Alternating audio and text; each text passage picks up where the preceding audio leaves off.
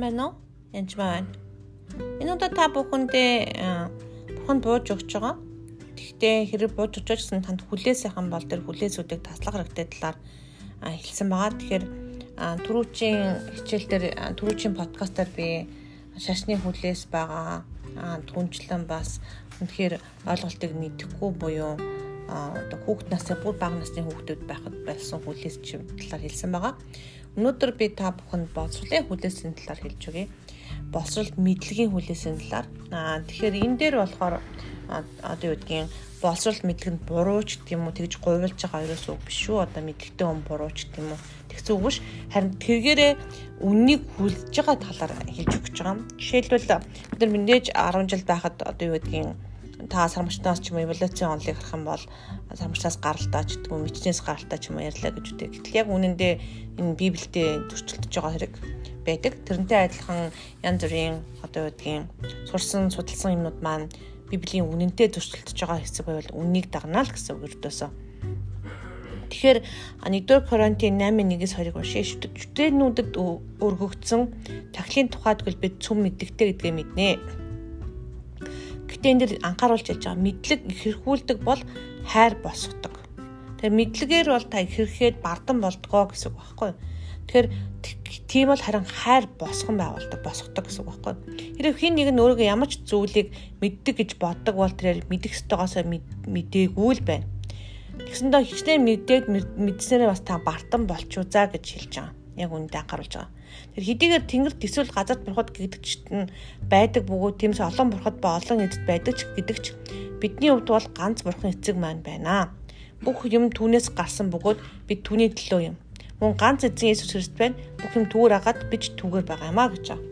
Тэгэхээр энэ дээр юу гэж хэлж байгаа вэ гэхээр аа нэгсэндөө та магадгүй өөр мэдлгүүд авсан байж болно. Өөр сургаалуудыг сонсоод өөр одоо бурхтад дахин шүтэж байгаа Иесус дээр ирсэн бол тэр бусад авсан байсан тэр мэдлгүүдээ таягдан хайнаа гэсэн.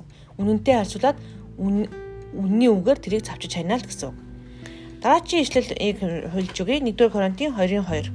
Ах トゥ нараа та нар дээр очихдоо би та бүгдэд үг яриа мэрэгэн ухааны давмгаалаар Бурхны нууцыг тунхлаж очиагүй. Учир нь та нарын дунд би Есүс Христ буюу цовдлогдсон түнээс өөр юу ч мэдэхгүй байхаар шийдсэн юм.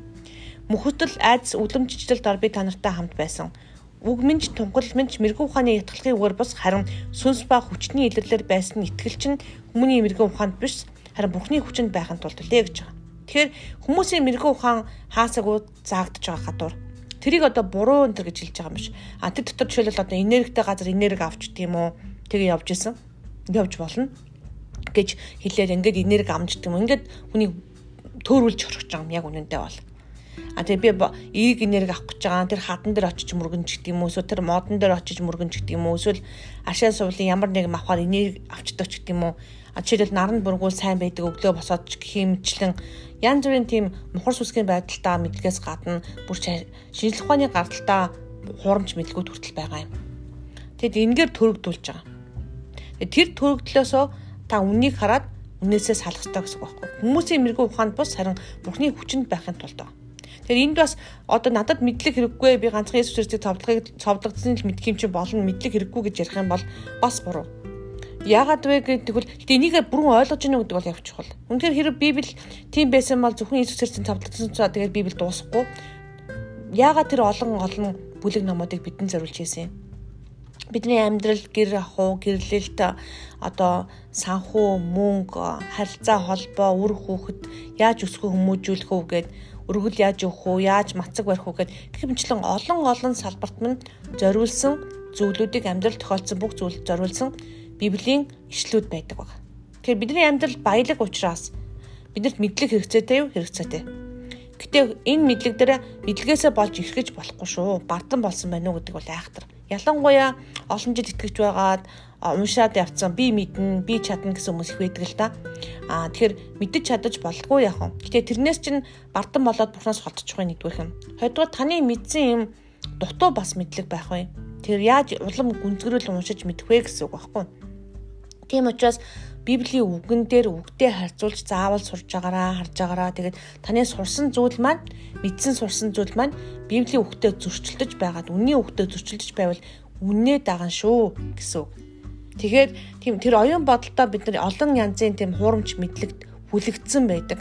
Ингиж болно, тэгж болохгүй гэд.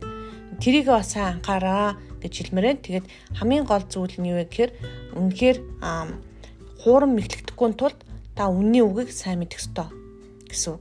Тэгээд Библийг сайн уншаараа. Тэгэд ариун сүнстэй хамт уншаараа. Танд амжилт хүсье. Баярлалаа.